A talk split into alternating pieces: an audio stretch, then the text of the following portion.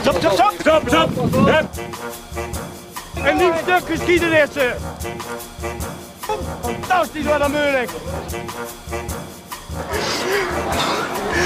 Ongelooflijk. Dit is een onwaarschijnlijk kabinetstuk. Metal Under Tension, begging you to touch and go. Je kan haast niet anders dan denken aan Kenny Loggins en Top Gun bij het lezen van ronkende namen als Ascender Pure, Spitfire Epic, Interceptor Flymaster en zo verder. Jawel, een ware highway to the danger zone, maar dan op de fiets.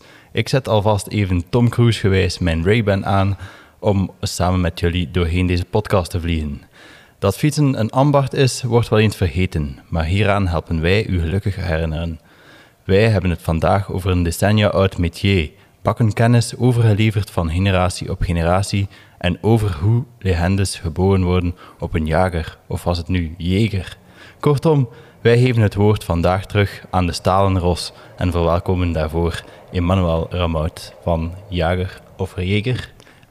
Het is eigenlijk jeger, ja. ja. Jeger? Het is een verwijzing naar eh, de jacht, jachtvliegtuigen.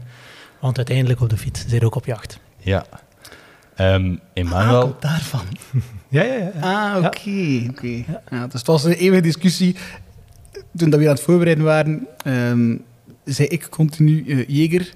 Waardoor dat, eh, of waarop dat Louis zei, is niet jager. En dan was er een eh, grote verwarring. ja, maar we dachten zo'n beetje Jeger aan zo naar de Duitse kant, maar eigenlijk is het Jeger waarschijnlijk. Of Nee, het is wel effectief op, in het Duits. Het is Ja. jagen.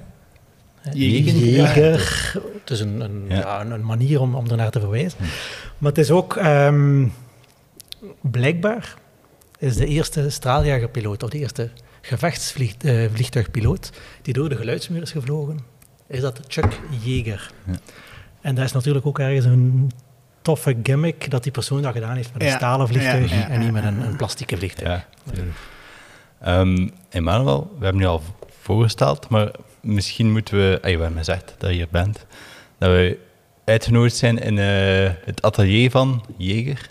Maar misschien moet je een zelf voorstellen wie dat je bent. Ja, ik ben eh Emmanuel. Ehm, ik ben bij Jeger medezaakvoerder. En eigenlijk ehm, komt een klant bij Jeger bij mij terecht en coördineer ik het hele project van A tot Z. Ehm, ik ben zelf eh, sinds mijn twaalf jaar een, een gigantische fietsliefhebber. ik heb nooit gekorst. Ik heb altijd eh, veel met de fiets gereden, veel geknutseld, veel met fietsen bezig geweest. En ehm, ja, sinds een paar jaar heb ik echt het gevoel dat ik ehm, ja, van een hobby een beroep maken is een understatement. Ik heb het gevoel dat ik de ganse dag in de speelgoedwinkel rondloop. Ja. Dus eh, je zit er nu eh, vijf jaar, Ja, een kleine vijf jaar. Ja, maar de firma Jeger bestaat al langer. ja ehm, als naam bestaat Jeger nu tien jaar dit jaar. Ehm, de, wat jullie in jullie intro heel mooi hebben gezegd. eh, de, het métier, onze, onze, onze framebouwer, ehm, dat gaat terug tot de jaren 30. Dus een, een, een, dikke, een dikke 90 jaar. Wacht, het métier, dus... eh, Ik ben even niet goed mee. Dus Jeger, de brandname, bestaat tien jaar. Ja. Maar... ehm, Het atelier waar onze Ah, fietsen gelast worden, ja, daar, voordat Jeger daar gemaakt werd, werden er heel veel andere fietsen gemaakt. Eh, dus als merk is het tien jaar geleden begonnen, als idee, als concept. Maar de, de geschiedenis zit, zit, is veel langer. is, Ah, veel langer. vandaar dat ehm ik contant op jullie website las ehm, dat je ook fietsen gemaakt hebben voor merks. Eh, Als hij nog koerste, Ja. dat was dan ehm, de oprichter van het atelier. Ja, en dus onze framebouwer, zijn grootvader is ooit gestart in de Ja. jaren 30. Heeft trouwens nog de eerste ronde van Vlaanderen gereden. Maar dat is een ander verhaal. Eh, ehm, en dat is overgegaan van, van vader op zoon tot nu de derde generatie. En de vierde generatie ehm, begint te kriebelen. Ja, Om ook, dus er zijn al vier generaties aan... eh, ja. Stalen Dat is- kennis. Ja, dat is, dat is eh, een, een gigantische bron aan, aan, aan ervaring. Dat is, ja, ik kan me wel eh, inbeelden als je van de jaren 30 bezig bent. Ja, en, te en, lassen. en het is dat, het- de fiets is iets speciaals, want op zich, het verandert altijd. Hè. Daar komen schijfremmen bij, daar komt elektronisch van alles en nog wat bij. Maar uiteindelijk is dat nog altijd een fiets met twee wielen en een stuur. Zijn het altijd koersfietsen geweest? Of werd er vroeger dan ook algemeen fietsen gemaakt? Nee, het zijn wel altijd koersfietsen geweest. Meestal voor eh, andere merken, totdat dan eh, een, een Jager een van de eigen merken was en ondertussen eigenlijk het enige eigen merk dat nog eh, bestaat en, en bloeit. Waren de pioniers op, eh, op dat vlak? Of waren er nog mensen die daarmee bezig waren? Ehm, ik denk in die tijd, ik was er niet bij, hè, maar ik denk dat ehm, het wielertoerisme al in, zijn, in het zijn van, of het idee van ik ehm, wil het maken en ik word coureur, dat dat eh, toen echt wel enorm groot, eh, groter geworden is. Hè. De meeste klassieke koersen bestaan, ja, hoe lang bestaan ze? 110, 180, 90 jaar. Mhm. Dus het is echt wel uit die tijd. Dus pioniers, ik denk dat er toen veel ateliers in die periode zijn opgestart. Het schieten er alleen niet veel over. Mhm. Als je kijkt, Frankrijk, Italië, België, daar werden de koersfietsen gemaakt. Ehm, maar zoals veel ambachten, ja, beetje bij beetje verdwijnen ze. Jullie maken stalen fietsen. Mhm. Ehm, wat dat ik zelf persoonlijk super interessant vind. Ehm, waarom stalen fietsen? Mhm. Dat is een heel goede vraag. Ik denk dat ik ze... Ik krijg ze niet van elke klant, want een aantal van onze klanten kiezen daar al heel bewust voor en, en hebben al verschillende stalen fietsen. Ehm, het zijn een aantal redenen. Ehm, zeker met dat, eh, als we Jeger, of als Jeger is opgestart met het concept zoals dat nu is, eh, konden we bij wijze van spreken naar alles gaan. Eh, We konden onze carbonproductie in China steken. Kan, in principe kon Jeger alles doen. Maar ehm, productie van een stalen frame is, is een pak duurzamer dan carbon. hè. We hebben hier ehm, naast ons een, eh, een buis liggen die uitgevreesd is. En dan zie je dat er eigenlijk per buis maar een, ja, een paar centimeter afval is. Die dan nog een keer volledig te recycleren is. Dat is nummer één. Nummer twee is de bewerkbaarheid. Ehm, de productie van fietsen is bijna volledig naar, naar het Verre Oosten gegaan. En dat is vooral omdat ehm, de herhaalbaarheid van een product, je kan duizenden frames bouwen in dezelfde fabriek met dezelfde instellingen van die machines. En dan komt er heel weinig kosten, komen er heel weinig kosten bij kijken. Wij hebben zoiets van, ja, wij willen maatfietsen maken, wij willen alles doen in functie van de klant. En dan heb je natuurlijk een, een bepaalde bewerkbaarheid nodig. Dan kan je niet gaan zeggen, ik ga een carbonenfiets in een, in een mal gaan steken. En tegen dat ik die mal terugbetaald heb, moet ik er eerst 10.000 verkopen. Dat is geen optie. En derde, en dat is het belangrijkste denk ik, is dat eh, het rijgedrag van staal en inox, want we werken ook in inox, is ehm, in mijn ogen val niet evenaren. Ehm ik zeg nu niet voor iemand die heel, heel de winter ehm, core stability training doet en dan afgetraind is tot en met en op Alpe d'Huez een, eh, een, een seconde van zijn tijd wil doen. Daar bestaan waarschijnlijk eh, de, de professionele koersfietsen voor. Ehm, maar voor een goede recreant, we hebben ongelooflijk, eh, ongelooflijk atleten onder onze klanten die daar eigenlijk heel spectaculaire eh, zaken mee doen. Voor een goede recreant is dat een fiets die in mijn ogen en comfortabeler is en eh, qua krachtoverbrenging nagenoeg of zelfs vergelijkbaar is. Met een carbonen fiets dan. Ja. Dus dat is eigenlijk eh, ja, dat is het grote voordeel van een stalen fiets dan. Ja, zeker. Als je over de kasseien rijdt met een stalen fiets en je hoort die fiets niet, en dan steekt iemand voorbij met een carbonen fiets die rammelt en ratelt, en dan snapt het verschil dat dat product wel allee, ja, iets, iets degelijker is. Je voelt daar, eh, als je een bocht instuurt, ehm, als je accelereert. Ja, het Dat je veel sneller weg en dat dat de schokken meer opvangt dan. Schokken meer opvangt wel. Sneller weg zijn, ga ik, ga ik niet zeggen. eh, want de acceleratie zal misschien iets minder zijn, een paar procentjes minder.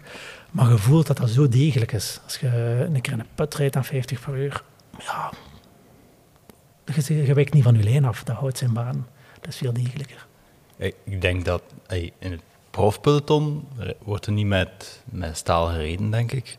Dus eh, wat is de reden daarvoor? Allee, aangezien dat zo, ja, eh, zo comfortabel is en eh, toch al degelijker dan. dan Wat er zijn twee, materialen. twee redenen. Hè. De profs die ehm, hebben het geluk hè, dat die eh, een mooi contract krijgen en dat die ehm, eigenlijk betaald worden om met een merk te rijden. Ja. Die hebben niks te kiezen. hè. Ehm, dat is reden één. Hè. En die merken natuurlijk, ja, dat is logisch. Als je 100.000 eh, keer dezelfde fiets maakt, dan wil je dat er een prof op rijdt om die 100.000 fietsen te kunnen verkopen. Ehm, dat is reden één. Reden twee, als je dan spreekt over die paar procentjes winst in krachtoverbrenging die ten koste gaat van het comfort, voor een topatleet is dat comfort niet belangrijk. Die zitten de ganse, ganse winter in de fitness. Om sterk genoeg te zijn om die bergen en die kasseien en alles te kunnen. En om drie weken lang zes uur per dag op een fiets te zetten. Ehm, als je dat dan vergelijkt met onze atleten, de, de langafstandsrenners, ja, die zitten soms 18 uur per dag op een fiets. Dan komt comfort veel, hoger, meer. Ja, dat, is, dat is veel belangrijker. Ik had gedacht dat reden 1 zou zijn omdat stalen fietsen zo zwaar zijn. Maar dat is dan misschien geen waar. Goh, als je... Ja, is, dat is ongetwijfeld de reden voor de klimkoersen. Ehm, op de vlakke koersen merk je ook in het peloton dat aerodynamica veel meer een rol speelt en dat gewicht eigenlijk niet meer het eerste is waarover nagedacht wordt. Uh, ze rijden ook al iets bredere banden uh, hier in Vlaanderen. Um, maar als je dan denkt, hè, pak weg een gemiddelde wielertourist hè, die een beetje goed leeft, hè, pak dat hij 80 kilo weegt, plus de fiets, plus kledij en, en alles erop en eraan, twee bidons, dan zijn je minstens hè, rond de 90 kilo aan het vooruit bewegen. Die 500 gram, gaat dat het verschil maken of niet? Dat is de vraag. Ik had mij... Um, een, een, fietsenmaker heeft mij ooit verteld dat um, 1 kilogram op de fiets gelijk staat aan 7 kilogram lichaamsgewicht. Ik heb dat nog nooit gelezen of zo, maar dat is iets dat, dat me wel al gezegd is geweest. Ja, ik denk dat dat zo'n beetje de, de, ervaring is van de fietsenmaker en terecht, want het is een beetje kort door de bocht als ik zeg eh, 500 gram op 90 kilo. Mm -hmm. Want je lichaam zit er gewoon om voor te bewegen. Ja. Die fiets is hetgeen waar je dan extra bij hebt. Maar je kunt ook anders bekijken. Hè? Iemand die uh, twee grote drinkflessen op zijn drinkbidons op zijn fiets heeft. En die er eigenlijk maar één uitdrinkt, heeft eigenlijk die een halve kilo meegesleurd. Ook Ja. voor niks. Um, je kunt een heel licht kader hebben, maar dan gigantisch zware banden. Ja, het is een totaal plaatje. En hoe licht gaan jullie met de stalen fietsen? Oh, wij kunnen onder de UC-limiet bouwen. In velgram. Schijfrem is altijd wat zwaarder, omdat alles gewoon het ganse plaatje wordt zwaarder. Um, en uh, schijfrem in een pak uh, een, een, een kadermaat 52 hebben we een, een recent een fiets gebouwd die aan 7,6, nee 7,4 kilo is afgeleverd. Wel met uh, lichte componenten, maar ook niet met het, het meest exclusieve. Ik denk dat er niet veel wieltoeristen rondrijden met een fiets van 7,4 kilogram. Goh, als je diezelfde fiets in, in, in, in een carbonframe zou doen, dan zouden onder de 7 uitgekomen zijn, net eronder. Oh, dus die 500 gram zit ongeveer van verschil op. Natuurlijk, alles hangt af van kadermaat, uh, lak, vergietende grote merken ook in hun communicatie. Dat is, dus, dat is niet inbegrepen. Als je dan Wow. ziet op de... Op de grote advertenties heb ik toch de indruk dat er daar maar zeer veel... Uh, dat is bij alle onderdelen ook. Hè. Daar staat, uh, dit stuur weegt uh, 240 gram en als je het dan op de weegschaal legt. Is het nog wel is meer? Toch, ja, is er toch een klein verschil. dat zijn de trucken van tevoren natuurlijk. Ja. ja, dat wist ik niet. Waar ik me afvraag, met een stalen fiets, um, is roest dan een probleem? Dat kan een probleem zijn, ja. We bouwen uh, in staal en in inox. En inox, daar hebben we natuurlijk naar weten van. Ik kan mijn fiets uh, twee jaar lang buiten laten staan. Dat verandert niet. Als ik inox zeg, dan moet ik uh, misschien RVS ook erbij zeggen, want dat is iets typisch Vlaams, hè, het woord inox. Mm -hmm. um, nee, ons, onze stalen fietsen, daar gaan wij, die worden natuurlijk gelakt. Hè. Alles wat gelakt is, is bestand tegen, het weer. Aan de binnenzijde gaan wij een, coating gaan, um, gaan aanbrengen die eigenlijk fungeert als een soort lak, maar waar je niet in de problemen komt als er ooit een herstelling aan de fiets moet gebeuren. Want een herstelling wordt gedaan met... Het, dan moet er gelast worden. Ja, oké. Okay. En als er lak aan de binnenkant zit, dan zou dat verbranden en, en uw lasnaad uh, beschadigen. Ah, oké. Okay. Ja. Dus mocht je een, een, accident tegenkomen of, of een ongeval of, of gelijk waar en die fiets moet hersteld worden, met onze coating aan de binnenzijde, blijft die fiets even duurzaam. Want dat is dan ook een groot voordeel van een stalen fiets. Als je iets tegenkomt, dat het eigenlijk in C perfect terug kunt herstellen. Ja, ja, absoluut. Alhoewel dat de, allee, zonder de hele tijd ook de, de vergelijking te maken, maar er zijn ondertussen ook wel mogelijkheden om alle materialen te herstellen. Maar effectief, wij hebben een atelier hier in Vlaanderen. Ehm,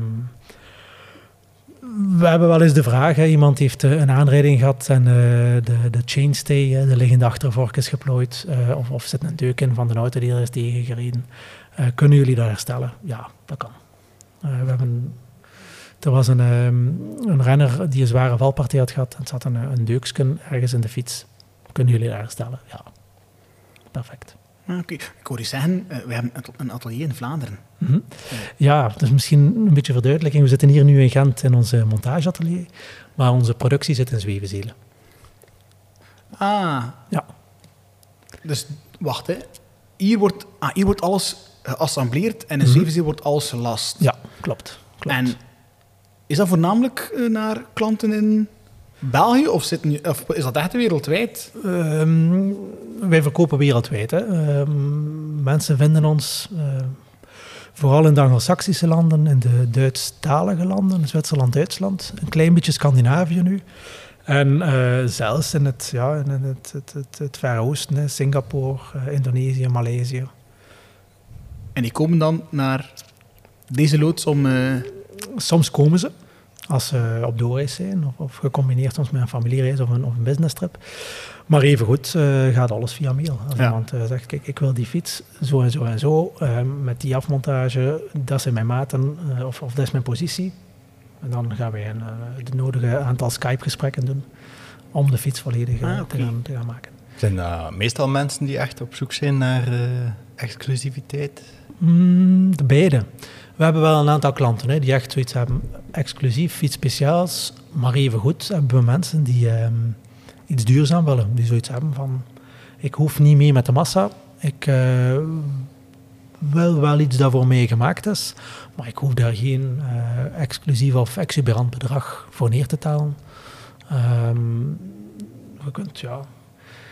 Je kunt in elk onderdeel in de fietssector zo zot gaan of dat je wilt. Ja, maar wij zijn in de eerste plaats framebouwers en wij monteren dan volgens de wensen van de klant.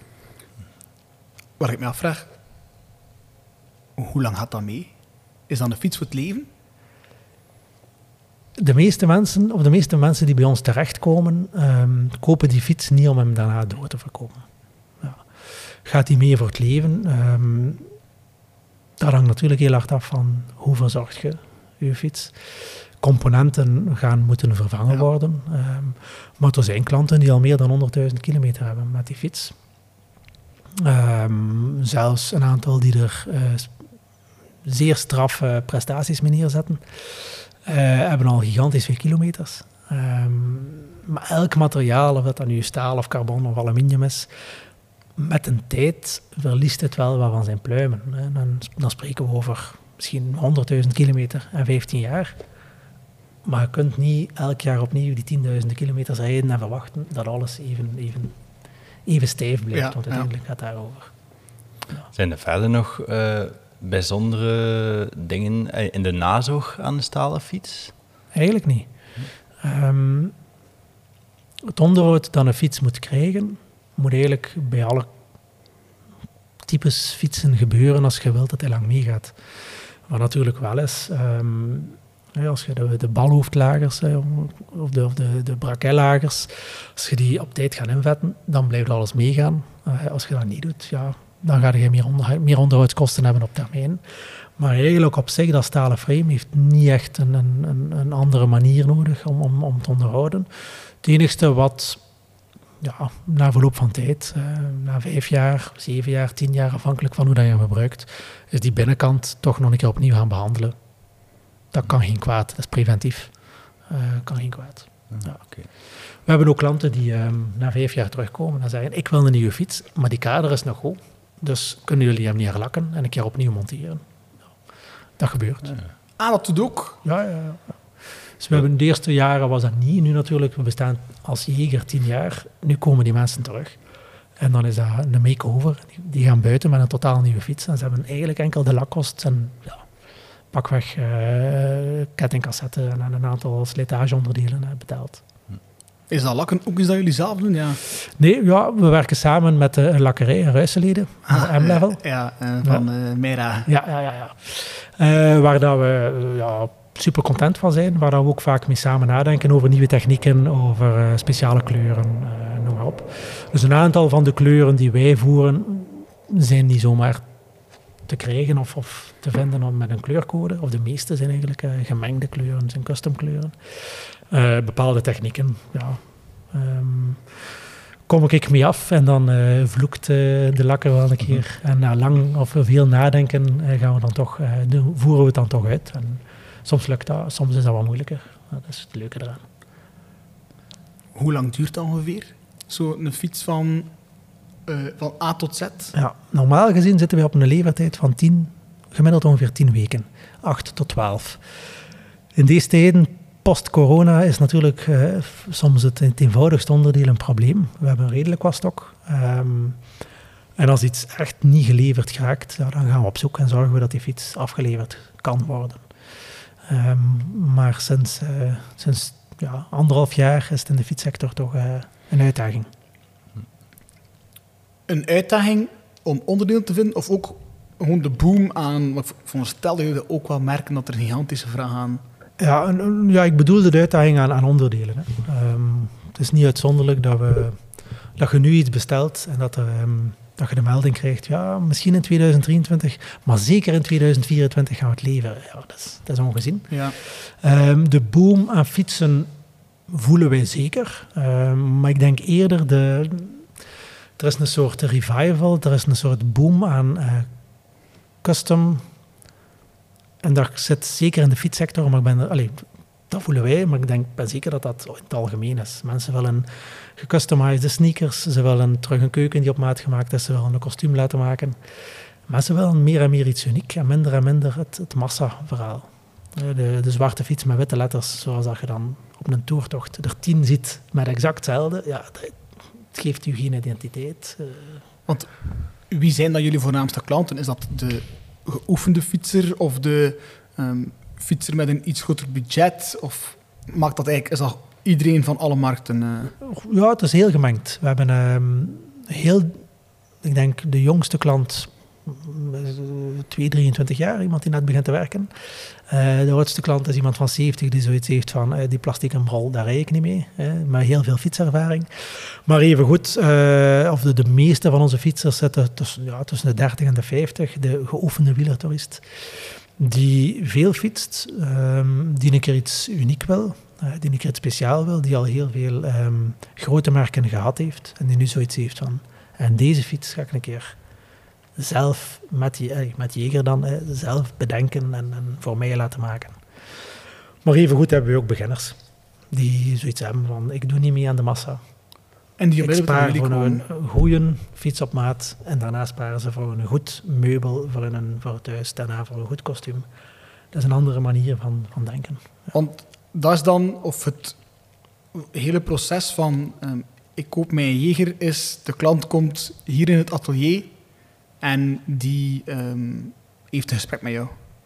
Ja. En jullie overlopen de, ja, wat die klant zelf wil, veronderstel ik. Ja, die, die klantbenadering is voor ons cruciaal. Hè. Je kan niet een, ehm, wat wij doen, een custom fiets, volledig, volledig op maat. Ja, je kunt niet verwachten dat, eh, dat je dat kan komen kiezen zomaar op een half uur. Dat, dat gaat niet. Dus een, als we een eerste gesprek of een eerste ehm, afspraak, daar plan ik altijd twee uur voor in.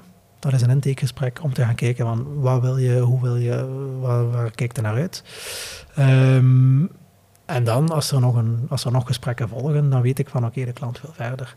Maar dat eerste gesprek is een soort van investering van mij in die klant om te zien van ja, oké, is het iets voor u? Ehm, of niet? Dus er zijn, dus dat eerste gesprek, die twee uur, dat kan ook aflopen met van, het is niks voor jou. Dat is in theorie mogelijk. Ja, dat gebeurt niet vaak. Eh, Gelukkig. Ja, kan, als ik de fiets hier zie in het atelier, eh, zou ik ook niet snel buiten lopen zonder. Maar het is effectief, ja, je kan, je kan niet verwachten dat iemand ehm, maar mag langskomen of pas kan langskomen als die al zeker is dat hij gaat kopen. Eh, dat- zo werkt het niet. Ehm, maar we merken wel dat als iemand de moeite doet om een afspraak te maken om langs te komen, dat hij al zeer ver in, in, in een beslissingsproces staan. De meeste mensen hebben waarschijnlijk ook wel wat opzoekingswerk gedaan vooraleer dat ze naar hier komen. Dus- Ja, meestal wel. Alhoewel ik soms nog verbaasd ben over, ja, als je dan in een eerste gesprek naar het rijgedrag vraagt en, en hoe dat ze fietsen. En heb je een idee van een groepset, eh, welke soort groepset. En dan mensen beginnen ze weten van, oeh nee, daar heb ik totaal nog niet over nagedacht. Het kan alle richtingen uit. En, en soms is zo'n gesprek na een uur gedaan, omdat iemand helemaal voorbereid is. Hè. Brengen van alles mee, foto's van, van mooie kleuren, noem maar op.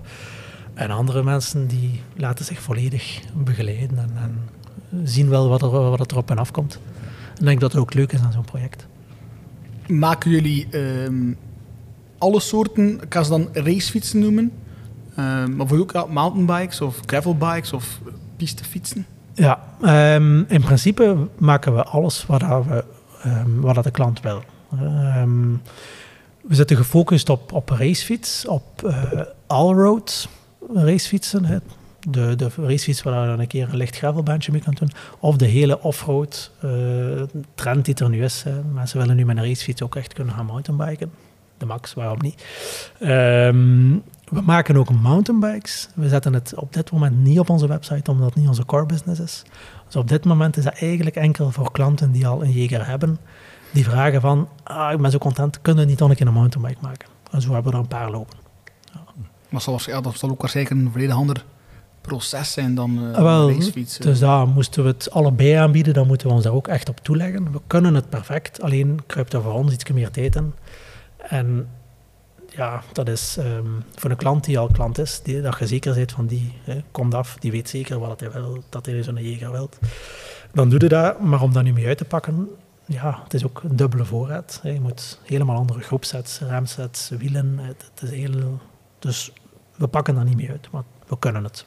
Is het iets dat in overweging is om in de toekomst wel te doen? Of? Op dit moment niet. Eh, we zitten, ehm, onze capaciteit geraakt mooi opgevuld. Eh, dus we hebben geen nood aan nieuwe segmenten. Ehm, maar slui- ja, ik sluit dat zeker niet uit, je weet nooit. Ehm, het volgende wat op ons afkomt is de flatbar eh, gravelbike. Dus tot nu toe had iedereen een kortstuur. De nieuwe trend die naar hier gewaaid komt is ah, die, die, die gravelbike, maar met een platstuur, dat zou toch nog een keer de max zijn. En dan nog een vering erop en dan zit je eigenlijk terug bij de mountainbike. Ja. Dus de cirkel is daar rond en dat is hoe dat gaat in de, ja, in de commerciële wereld zeker. Ah, dus dat is... Je krijgt al terug vragen om een gravelbike te maken met een... Wij hebben nog maar één of twee vragen gehad, maar we zien dat wel komen, ja. Eh, als we een beetje de, de markt in de gaten houden en de ontwikkelingen van, van niche-merken. En, ja. Want op, ehm of wie zei in zijn intro, eh, de Ascender, ehm, de Spitfire, Interceptor, eh, dat zijn dan eigenlijk verschillende modellen, waar, allee, gebaseerd op zo'n model, veronderstel ik, per klant. ja, Of als ik hier kom en ik zeg van ja, eh, ik, ik rij jaarlijks eh, zeven keer Alpe d'Huez, dat is al dat ik doe, dan had ik ook waarschijnlijk een bepaald model. Ja, absoluut. We hebben die modellen gemaakt om niet bij elke klant over elk klein frame-onderdeel eh, te moeten gaan spreken. Iemand die dat graag heeft, dan kunnen we die modellen aanpassen, dan kunnen we een mix maken, kunnen we al eender wat doen. Maar we merken dat niet elke klant over elk type buis en over elke nokje en over elke drop-out zin heeft om daar heel de uitleg te krijgen. Dus met die modellen hebben we al een klein beetje een, een, richting gegeven. Maar het is wel zo specifiek dat gaat. Want ik dacht eh, op zich dat, dat dat in gewoon de modellen waren die jullie standaard eh, maakten. Dan wel volledig op maat van de, van de klant. Mhm. En dat jullie va- variëren in... ehm, je kan gelijk welke groepset steken, je kan gelijk welke wielen steken, gelijk welke eh, stuurpen. Maar alles is modifieerbaar. Alles, ja. Eh, het is zelfs zo dat wij aanpassingen doen die de klant niet altijd ziet of, of, of waar de klant niet altijd weet over heeft. Niet dat we dat niet willen laten zien, maar bijvoorbeeld onze Interceptor Flymaster heeft een bepaalde eh, schuine buis, de onderbuis. Die hebben wij in verschillende versies. Als iemand binnenkomt die 100 kilo weegt of iemand komt binnen die 50 kilo weegt, die krijgt niet hetzelfde materiaal. Blijft hetzelfde, dat blijft dezelfde fiets. Het is hetzelfde model, maar die buizen variëren. Ehm, dus we kunnen perfect eh, iemand die echt zoiets heeft van ik wil over elk onderdeeltje van het frame gaan, gaan eh, ingelegd worden met veel plezier. Ja. Is, eh, we steken niks weg. Hoe, hoe, eh, hoe lang duurt het eigenlijk om zo'n fiets te maken? De totale arbeidsduur? Totale arbeidsduur zonder van levertijden? en dit Nee, nee, ja. Totale arbeidsduur van kaderbouw over lakwerk, de, de, de, de, het design, het begint met design, kaderbouw, lakwerk, et cetera. Zit, ehm, ik heb dat eigenlijk nog niet vaak zo opgeteld, want ik denk altijd in de verschillende segmentjes. Maar als ik even reken, kom ik op een, een 30, 32 werkuren. Ja, het zal zoiets zijn. Als het toch een volledige week is. Eh, bij, ons, bij ons is dat een halve week. Van, eh, ik zal zeggen, ik kan niks zeggen. Ik ga mensen schofferen. Nee, nou, effectief, het is, ehm, er komt veel bij kijken. Ja, maar ja, ik geloof dat wel. Ehm, dus ligt hier naast ons, die eh, stalen buizen. Eh, Dat ziet er niet de standaard buis uit uit de Hubo. Nee, nee, nee. Dat is, ehm, dat is iets wat je niet ziet aan, aan een fiets. De, ehm, wij werken met Columbus. die bestaan sinds 1919. En ik kan me indenken dat dat in het begin wel hè, standaardbuizen waren uit de toenmalige Hubo. Maar die hebben 100 jaar innovatie achter de rug. En die ehm, buizen worden behandeld, daar zitten hittebehandelingen op, daar zitten eh, bewerkingen op dat die wanddikte zo dun kan zijn dat die buizen toch zo sterk kunnen zijn. Die wanddikte varieert ook. Je hebt een buis die aan de uiteinden 0,7 mm heeft als wanddikte, centraal 0,45. Die vorm verandert ehm, over de lengte van de buis. Dus dat is wel iets, ehm, zonder dat materiaal is het, heeft het totaal geen meerwaarde om zo'n fiets te proberen bouwen. Wat ik net ehm, aan denk is, of een van de redenen voor mezelf om destijds een carbonenfiets te kopen, ehm, was dat je daarop geen naden zag. En ik vond dat zo cool, want dat was een fiets zonder naden. Ja. Hoe zit dat bij, want dat moet allemaal, allee, bij een stalen fiets moet je dat allemaal lassen. Ik vond dat dat sowieso al veel properder gedaan is dan een fabrieksfiets. Mhm. Ehm, maar is dat iets dat, de, dat opvalt, of is dat iets dat de... Het is, eh, als we, kan daar, kan daar op een goede manier, of op een simpele manier ehm, uitleggen. Als wij op een, op een eh, pakweg een fietsbeurs staan en eh, komen daar duizenden mensen langs, dan heb je af en toe iemand die in de industrie ook wel met laswerk te maken heeft. En die ehm, kijken en dan beseffen ze van, tja, dat is geen carbon. En dan kijken ze nog een keer en dan voelen ze een keer en dan komen ze vragen, hoe doen we dat, dat lassen? Die buisjes zijn, eh, de dunste buizen zijn een halve millimeter. Die hebben een wanddikte van een halve millimeter. Dat is flinterdun. Wij lassen op twee, met twee technieken, zonder te technisch te gaan. Ehm, maar die lasnaad, ja, dat is juist ons sterke punt. hè. Die is eigenlijk, als je hier die fiets naast u bekijkt, is eigenlijk onzichtbaar. Ja, Ehm, wordt, is- wordt natuurlijk zeer fijn gelast en daarna nog heel schoon opgekuist. Ehm we hebben ook fietsen die niet gelakt zijn. Eh, Er hangen een aantal kaders die klaar zijn voor montage. Daar ziet je hoe de lastnaad eruit ziet zonder dat er lak is om hem af te dekken. En dan zie je eigenlijk van, ja, kunt twee buizen niet proper aan elkaar zetten dan dat. Nee, het is inderdaad opvallend. Je hebt nu al gezegd dat je al die onderdelen ehm, kunt kiezen. Ik weet niet of dat een vraag is dat mag stellen, maar wat kost dan zo'n gemiddelde ehm jeger? Ja. Of, Eh, gemiddelde is natuurlijk afhankelijk van de uitschieters. Eh, dus eh, laat mij het... eh, ja, Maar ja, we hebben soms klanten die echt eh, heel, heel zot gaan. Mhm. Ehm, maar een frameset is bij ons ehm, in principe niet duurder dan een, een top frameset van een ander merk. Hè, ons framesets die starten aan 3595. Dat is frame, vork, gelakt. En dan de afmontage is à la carte. Dus wil je een fiets voor 5000, dan kan dat in principe. Ga je dan de allerbeste onderdelen hebben? Ja, nee, je kunt geen uh, Ja, daarbij die- voorzien. die- ja, nee, nee, nee, die heeft al bijna diezelfde prijs, die groep. Maar als je bij een betaalbare groep, betaalbare wielen en, en niet te zot qua componenten gaat, kun je aan een 5000, 5500 een heel mooie fiets hebben.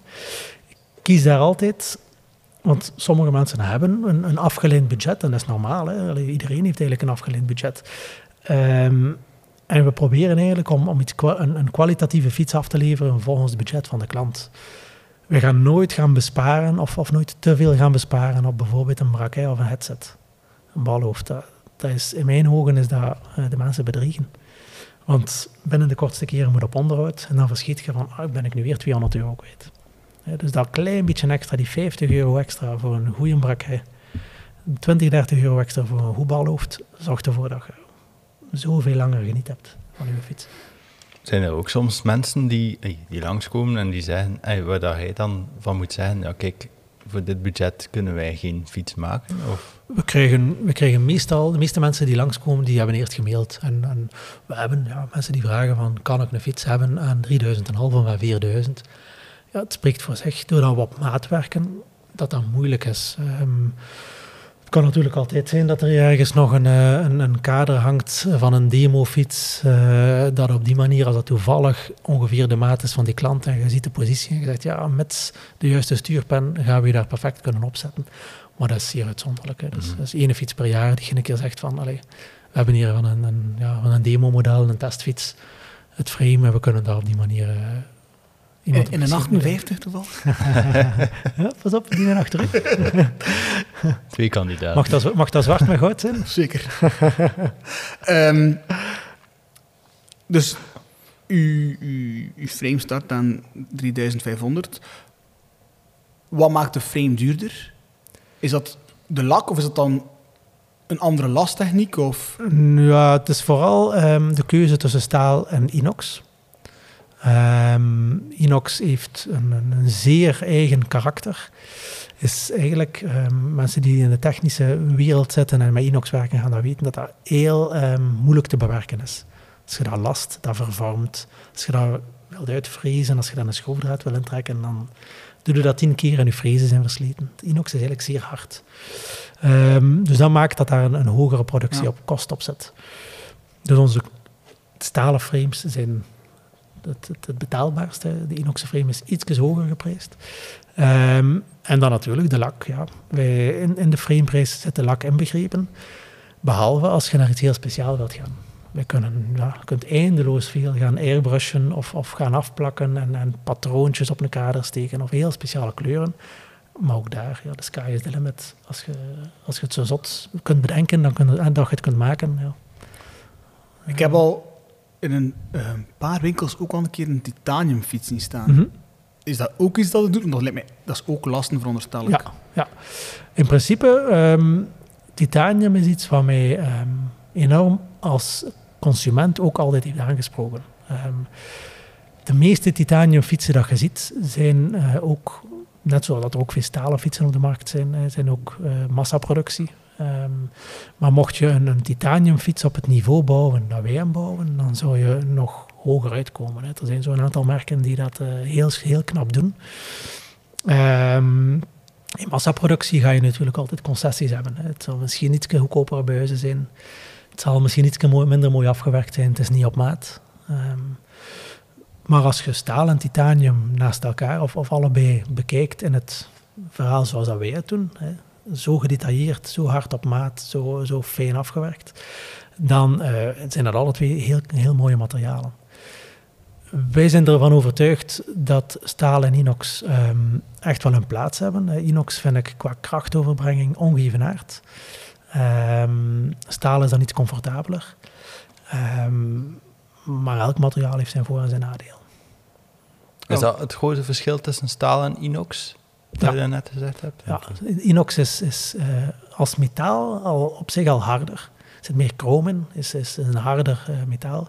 Dus de krachtoverbrenging gaat daar ook op die manier eigenlijk veel directer zijn. Je hebt echt het gevoel dat je op een, Ja. een raket is veel gezegd, maar het is een fiets die toch echt elke watt bijna doorgeeft eh, naar het achterwiel. Ja, ik kan me dat moeilijk voor de geest halen, maar ik weet wel een moment eh, dat ik overschakel van aluminium naar carbon, Dat dat ook wel heel hard opviel, dat die krachtoverbrenging al, al totaal anders was. Ik denk dat dat inderdaad met staal en inox juist hetzelfde moet Ja, ja het is, eh, je kunt dat echt zo vergelijken. Ehm, het verschil nog een beetje misschien is dat je met dat inox... Ik heb ja, zelfs het gevoel als je een bocht pakt. Hè. Als je een bocht neemt, dan verlies je snelheid. En ik heb het gevoel met, met, met, met, eigenlijk met beide materialen dat je door de degelijkheid van die kader, dat je precies na je bocht die verloren energie direct gelijk terugwint of zo. Het Dat is echt, ja, je moet daarmee gereden hebben om, eh, om te voelen. Met wat reden zelf? Eh, ik kreeg, staat hier, ja, uiteraard met Jeger. Eh, hij staat schuin achter jullie. Ik heb een, een gravelbike, zeer hard op adventure gericht. Dus heel brede banden. Vooral om, om te kunnen bikepacken en om, om naar niks te moeten kijken. En mijn wegfiets die hangt eigenlijk eh, klaar om te monteren, maar door ehm, de drukte eh, is die helaas eh, voor de zomer niet afgeraakt. Dus dat is, iets, dat is een projectje voor, eh, voor het najaar. Ja. Dat is dan een Inox eh, ascender.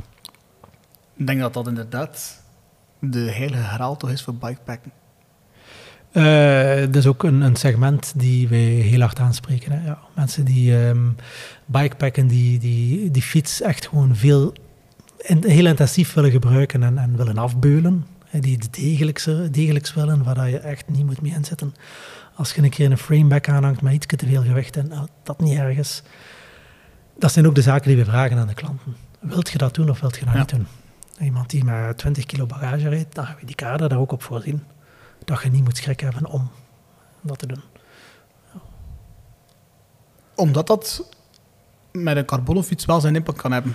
Goh, ik denk dat er ook eh, heel hard eh, in ontwikkeld wordt. Hè. Eh, doet dat met de, de allerlichtste carbon racer die in het peloton rijdt. Ja, daar is niet gemaakt om daar iets van bagage aan te hangen. Ehm, hetzelfde met carbon zadels, carbon zadelpennen. Alles heeft zijn limiet. Er zijn veel onderdelen met een rijderslimiet van 95 kilo. Als je daar dan een beetje bagage bij telt en je rijdt een keer in de put, dan moet je toch al een beetje voorzichtig zijn. Het hoorde. Ik, ja, ik zeg niks. eh. Nou, vaak probleem met zijn fiets de laatste tijd. ja, het is wel, Ook toevallig gaan bikepacken. Ah, kijk, ja. Dus, eh, maar eh, altijd, toevallig eh, met de braquet en het bal. Blijvend welkom voor, eh, voor een keer een gesprek. hè. Een 58 was het. Ja. ik ken Jeger door Tom Bonen. Wat is de link tussen Jeger en Tom Bonen? Want die staat ook al... eigenlijk, Dat is jullie site, is ook dat filmpje. Ja, Ehm, ja, we hebben... ehm, denk de beste dag van mijn professionele carrière is het moment dat je door hebt, we gaan een fiets bouwen voor Tom Bonen. Ehm, ik ben generatiegenoot van Tom. Ik weet dat hij, zoals denk ik bijna elke Vlaming, heeft hem zien rijden in Roubaix, terwijl dat hij eigenlijk knecht was en per ongeluk derde wordt. En sindsdien heeft, denk ik, iedereen die een beetje een wielerhart heeft van onze generatie, Tom gevolgd hè, in, in, in, in gans zijn carrière. En als hij dan twee of drie jaar eh, nadat hij gestopt is, ehm, voor het eerst, nou, niet voor het eerst, maar dat hij een fiets koopt, ehm, dat hij bij u komt aankloppen, ja, dat is fenomenaal. Wat is de link? Ehm, Tom heeft geïnvesteerd in de fietssector in een eh, speciale naaf. Eh, zonder de, in detail te gaan, een versnellingsnaaf. Ehm, revolutionair, Belgisch merk. Ehm, en wij waren heel hard geïnteresseerd en, eh, in die naaf. En op dat moment, hè, dus twee jaar geleden, eh, moest een frame nog aangepast zijn om die naaf te kunnen, eh, om, die, om die naaf, met die naaf te kunnen rijden. En doordat wij lokaal produceren, ja, eh, voor ons is het niet zo moeilijk om, om onze productie aan te passen. Bij een merk dat in China produceert, duurt dat een jaar. Ja, hebben een, een drop-out gemaakt, eh, CNC-vriesmachine, en, en wij, konden, eh, wij konden een frame bouwen. En ik denk dat daar eh, het zaadje is geplant. Dat wij de eerste waren die die classified naaf aanbood, wereldwijd. Ehm, dat Tom toe was aan een nieuwe fiets. En dat hij op een of andere manier toch getriggerd is geweest van ja, die mannen doen precies wel iets cool. We zijn dan in gesprek geraakt. We hebben meer dan bij een andere klant tijd gestoken in de, ehm, de intake. Niet zozeer omdat, omdat het stress of omdat dat Tom is, maar omdat hij, ik had het gevoel dat hij voor het eerst in misschien ja, 20 jaar de kans had om een keer na te denken over en dat feestje en die crank en zou men iets met die remmen doen en kunnen we niet nog dit of kunnen we niet nog dat. En ja, Tom is een enorme techneut, ook in zijn, in zijn autoraces wat hij nu doet. Het is een enorme materiaalkenner, freak ja, we hebben nog weinig klanten gehad die zo in detail ehm, alles, alles willen bedenken.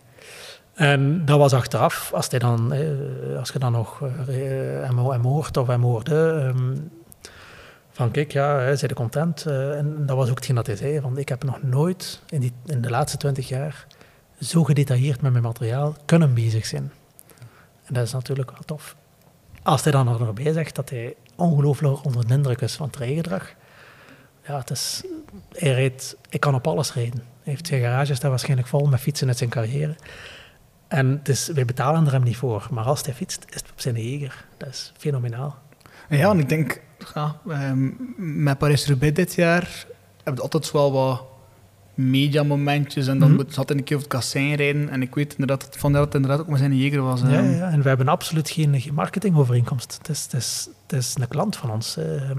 dus dat is, dat, is, dat is heel tof. We hebben er natuurlijk wel ehm, de vraag durven stellen. En doordat, dat, doordat hij zelf ook geïnvesteerd heeft, hebben we de kans gehad om dat filmpje te kunnen maken.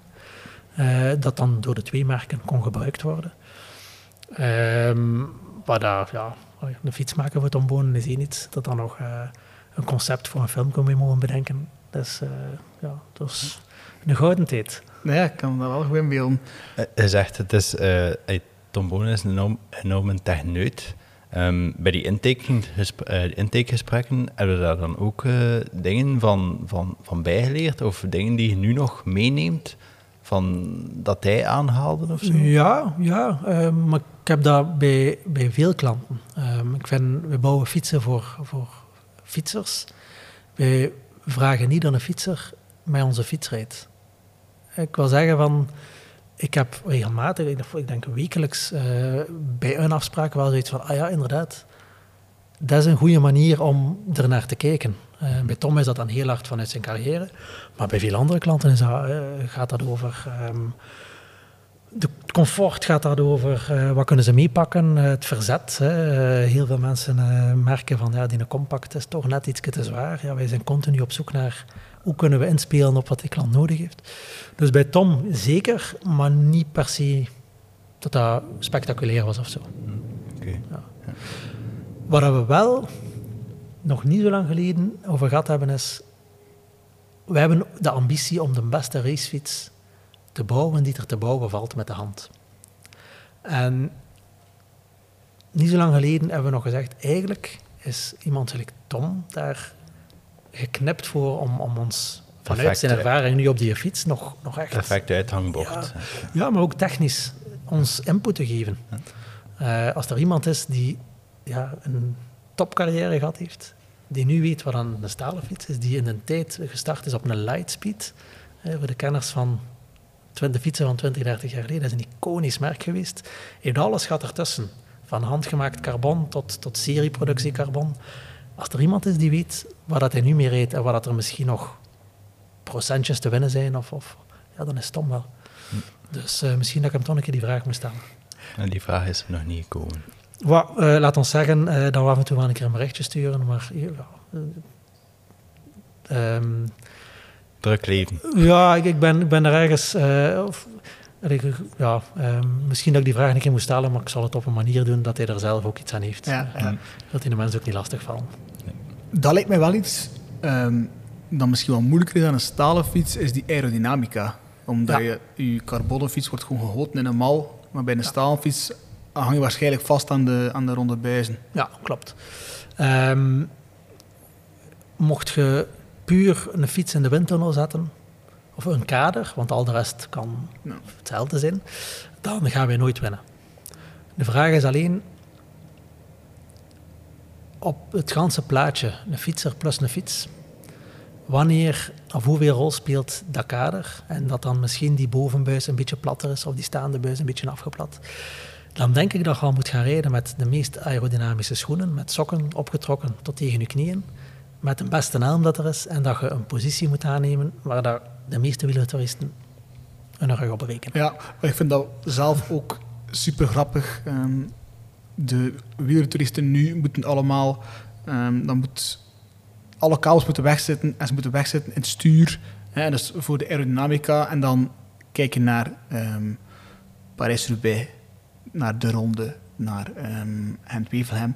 En dan zie je de profs rijden met een ronde stuurbuis, waar de kabels wel nog uitlopen. En dan denk ik soms van, ja, allee, ja je bent maar een wereldtoerist, ehm, dat verschil gaat niet maken. Hè.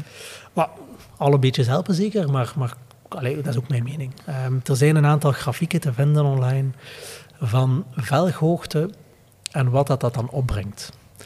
Iemand die met, eh, wat dat zeer populair is, hè, 45 mm, 50 mm velgen, dan moet al boven de 40, 45 per uur rijden om er iets van te voelen. Ja, ik weet niet hoe dat met u zit, maar Helaas bij, niet, bij mij is dat als het naar beneden is. Nee, ik kan al geen 45. Naar beneden toch wel. We gaan naar beneden, maar niet platte. Of zo extreem bergop. Ik denk dat we op een eh, goed moment gekomen zijn om eh, voor ons wekelijks of tweewekelijks segmentje zijn de, Ja. de Passo die. ja, we gaan nog een keer doen hele wie, want de geluidsknop staat niet aan. Ah, oké. Zeg nog een keer. Eh, de Passo die. Parole, parole, parole. Ja, oké, dat was eh, een eh, halve opname. Ehm, en eh Emmanuel heeft geen koptelefoon, anders kan het niet horen ook, maar ons wekelijks segment is de Passo di Parole. Oké.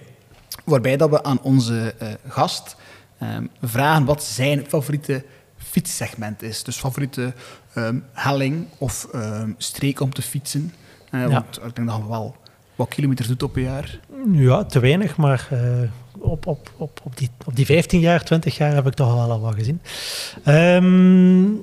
Favoriete segment, dan denk ik het Bos van Wallers.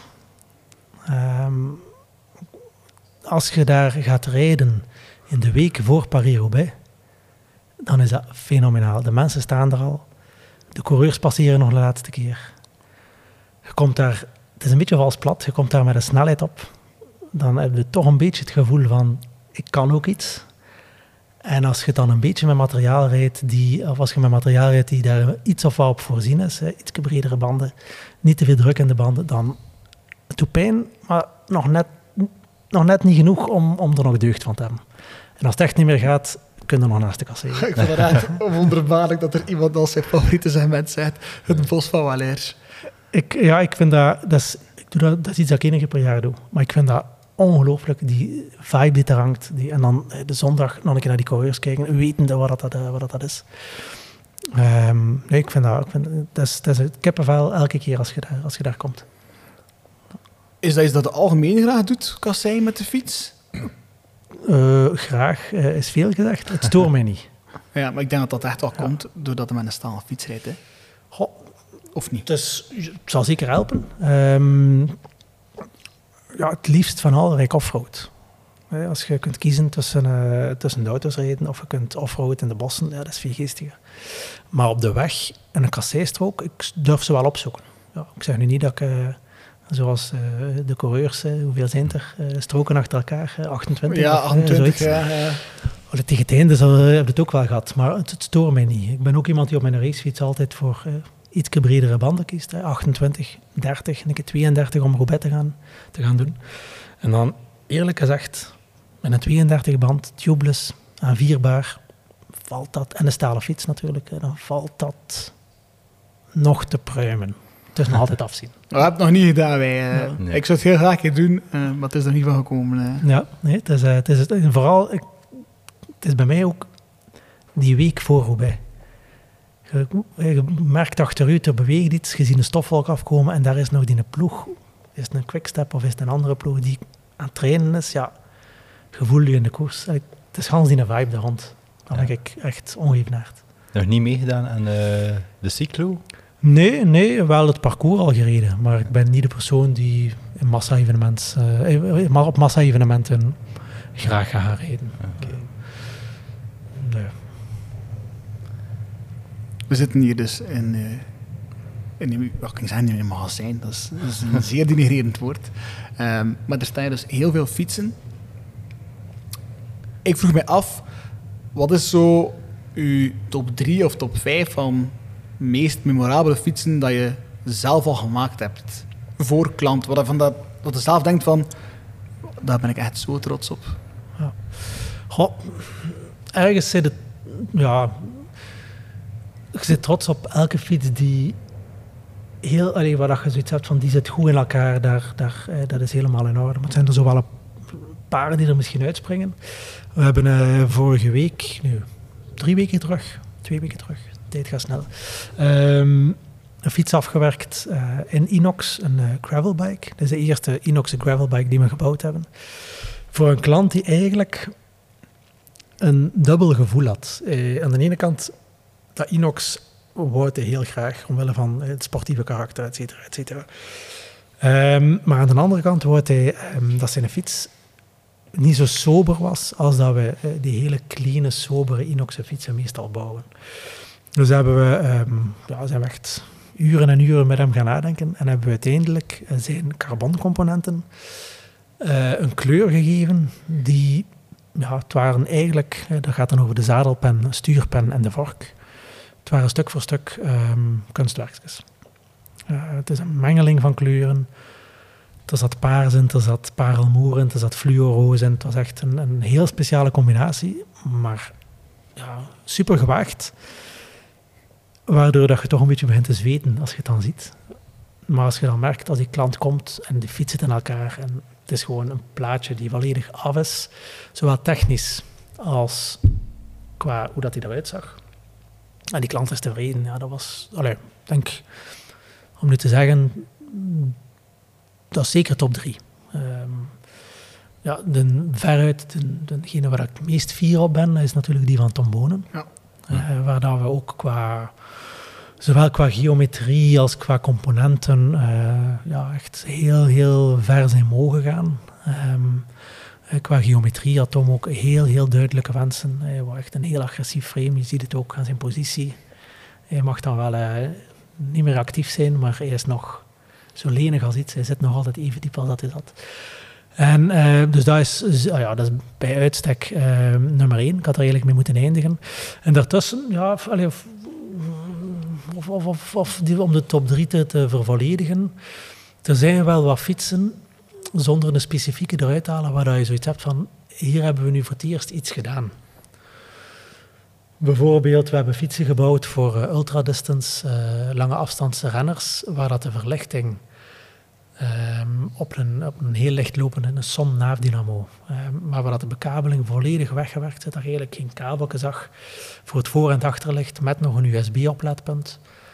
Dat zijn van die fietsen dat je een wedstrijd van 4000 kilometer mee kunt doen en dat je nooit moet denken aan ik moet iets opladen. Plug het gewoon in. Je batterij, je- gelijk waar dat je nog je battery pack, eh, eventueel extra, extra verlichting. Je plugt ze in, het, het laat zijn eigen op. En als dat dan lukt, dat zijn van die projecten, allee, het zijn van die projecten waar dat je, je ziet het concept en je denkt, ja, ja, het zal wel lukken. Je begint eraan en je zweet heel hard. En uiteindelijk vind je voor alles een oplossing. En als dat dan af is en die staat volledig klaar, ja, dan is dat heel schoon. Herinnert jij je elke fiets dat je door je handen hebt gehad? Ja, Ja? als klanten bij mij zitten, dan gebeurt het dat ze, ja, ik, heb, ik zit met dat of dat kleur in mijn hoofd of met die combinatie. En dan ga ik eigenlijk in mijn computer op naam gaan zoeken om een voorbeeldfoto te tonen. Of, dus ik heb, ja, ehm, op dit moment nog wel. Dan vraag me over 14 jaar nog een keer. Eh, dat zat misschien wel lastiger zijn. Ja.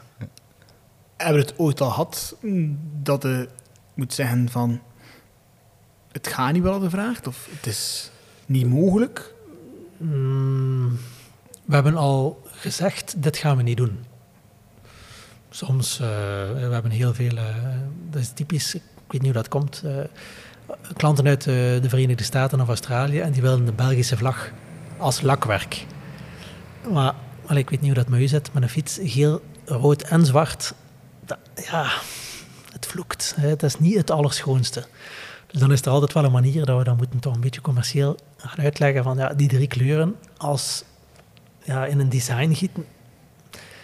Heel schoon is het niet. Dat is dan, dat is dan echt gewoon om de, allee, de klant te beschermen of te behoeden dat hij Ja, zegt eh, dat moeten die kleuren zijn en dan komt die fiets toe en is het van trekt op niks. absoluut. Ja, absoluut.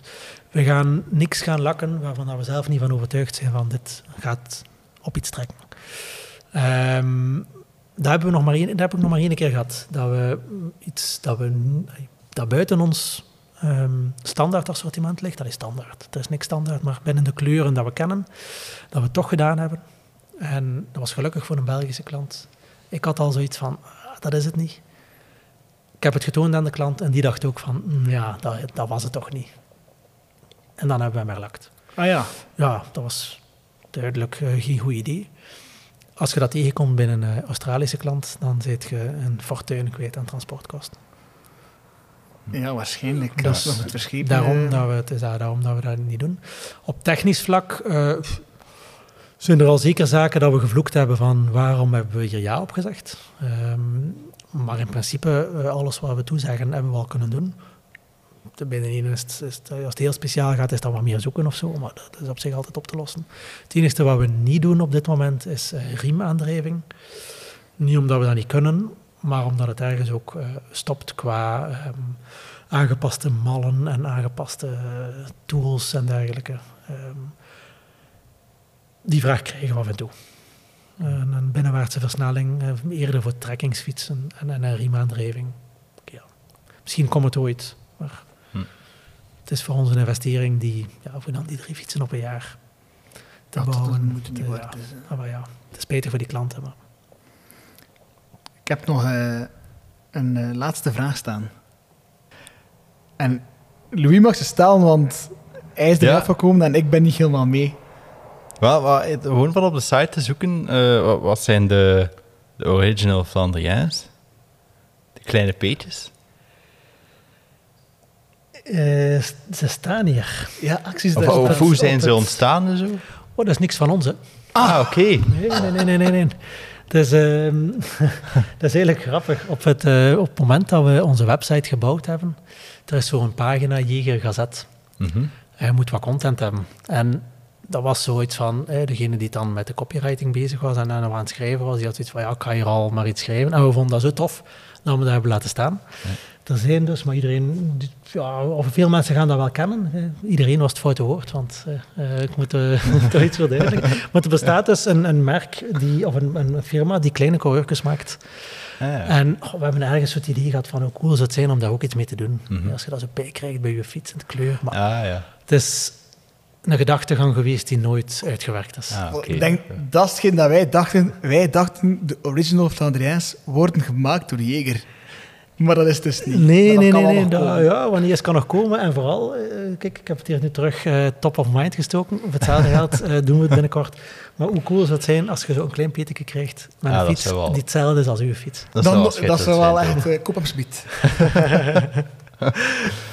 Goed, ik denk dat wij eh, u kunnen bedanken voor eh, de podcast. Ja, Merci was- dat we hier mochten zijn. Het ja. was mij een eer. het was echt leuk om in het atelier zelf te zijn ook.